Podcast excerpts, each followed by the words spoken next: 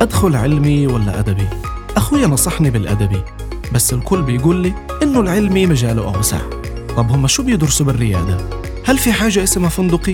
كلنا مرينا بهذه الأسئلة وقعدنا أيام وأيام نسأل حالنا كيف وعلى أي أساس أختار اختيار المسار في المرحلة الثانوية شيء جدا مهم وبتعتمد عليه كل سنينك اللي جاية وبالتالي ممكن يسبب هذا الموضوع توتر للبعض بس بالمجمل عند اختيارك لتخصصك الجامعي من الأفضل إنك تختار مجال عمل بتحب أدواته وبتستمتع بدراسته. ولازم تاخد رأي أصحاب الخبرة وتستشير شخص ناجح في المجال اللي حابب تدخله. ليسهل عليك قرارك.